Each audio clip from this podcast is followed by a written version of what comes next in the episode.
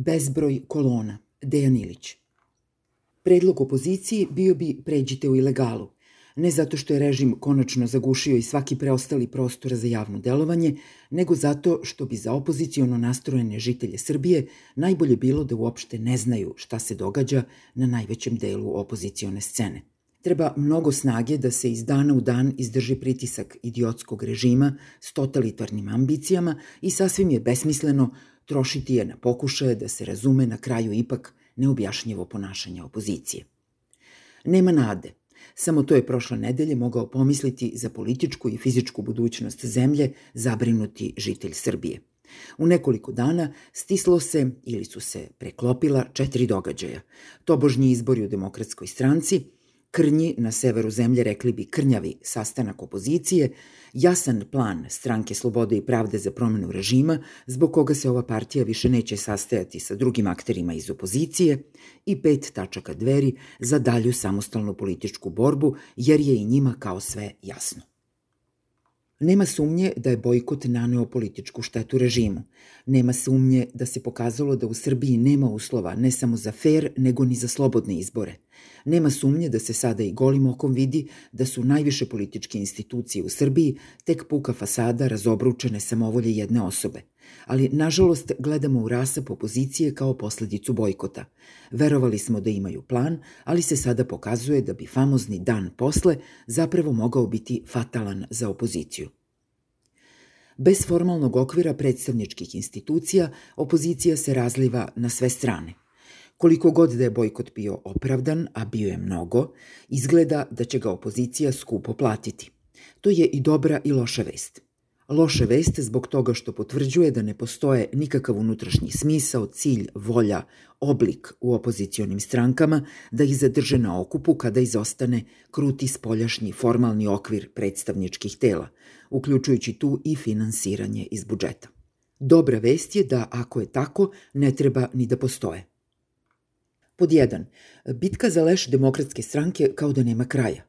Apsolutno je nejasno šta hoće pobunjenici protiv Lutovca. Lutovac barem ume da kaže kuda bi sa strankom. S druge strane, pobunjenici umeju da kažu samo da su protiv Lutovca. Reklo bi se da je Lutovčeve greh to što nije izveo stranku na izbore. Ali rezultati onih iz demokratske stranke koji su na izbore ipak izašli nedvosmisleno pokazuju da je Lutovac dobro procenio – Tako kao glavni greh Lutovca ostaje loša unutar stranačka kalkulacija. Kao da nije do kraja prozreo s kim ima posla i sad će mu to doći glave. Dobro bi bilo da Lutovac odoli i nekako sačuva stranku, ali je veliko pitanje da li je stranci ostao više i jedan život od mnogih koje je imala i tako olako proćerdala. Pod 2. Da li čitalac može da zamisli o čemu razgovaraju učesnici sastanaka opozicije? Uđu u salu, dobar dan, dobar dan i Šta kažu dalje jedni drugima? Da ne mučimo čitaoca. Sve što se posle sastanka pročita u medijima, da se na sastanku govorilo, iscrpan je izveštaj sa tih sastanaka. Dakle, ne razgovaraju ni o čemu. Ponavljaju na tim sastancima ono što su prethodno javno već rekli, da bi posle sastanka ponovili isto.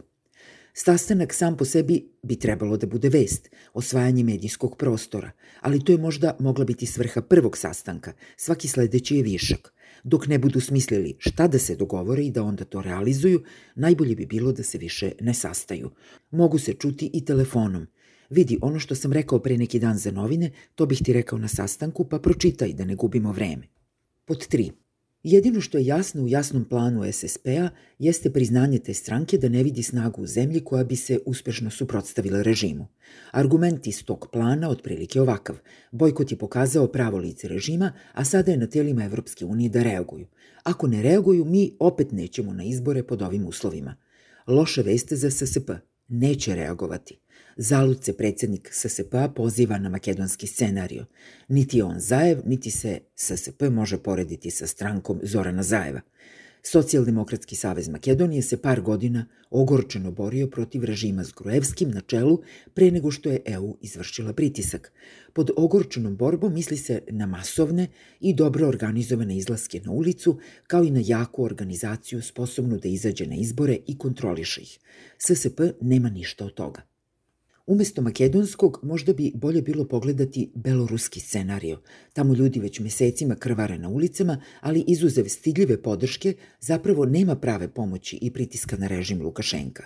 SSP, kako sada stoje stvari, nije u stanju ni da motiviše ni da mobiliše veći broj ljudi za jedan takav otpor režimu ovde, ali iz SSP-a poručuju mi ćemo bojkotovati dok god nam neko drugi ne obezbedi uslove za slobodne i fer izbore – Dobro, čuli smo vas, bolje da nismo. Pod četiri.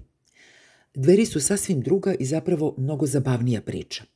Da se ispod njihovih pet tačaka ti odlučuješ obnova demokratije, ti kontrolišeš pravna odgovornost, ti čuvaš za zeleni patriotizam i novo selo, ti živiš za novi grad po meri čoveka i porodice i ti ostaješ, ovo je zemlja za svu našu decu, potpisala recimo inicijativa Ne davimo Beograd, čitalac ne bi primijetio ništa neobično. Kako je to rekao predsednik Dveri, to zaista jeste modern i dinamičan proglas. Ali pored toga i izrazito progresivan, pa kao takav nikako ne može biti konzervativan kako bi Dveri htele da ga predstave. Hrišćanska demokratija dveri iz ovih pet tačaka jeste demokratija sama po sebi, a da li će biti i hrišćanska, To će zavisiti isključivo od ličnih osjećanja koju u nju budu učitali pojedinci. Za sada dveri su, recimo, svojom inicijativom da se ulicama dodele imena četnika, daleko od tog hrišćanskog elementa u svojoj priželjkivanoj demokratiji. Kao prepreka saradnji između dveri i Ne davimo Beograd ne stoji dakle hrišćanstvo, nego su između njih stali četnici.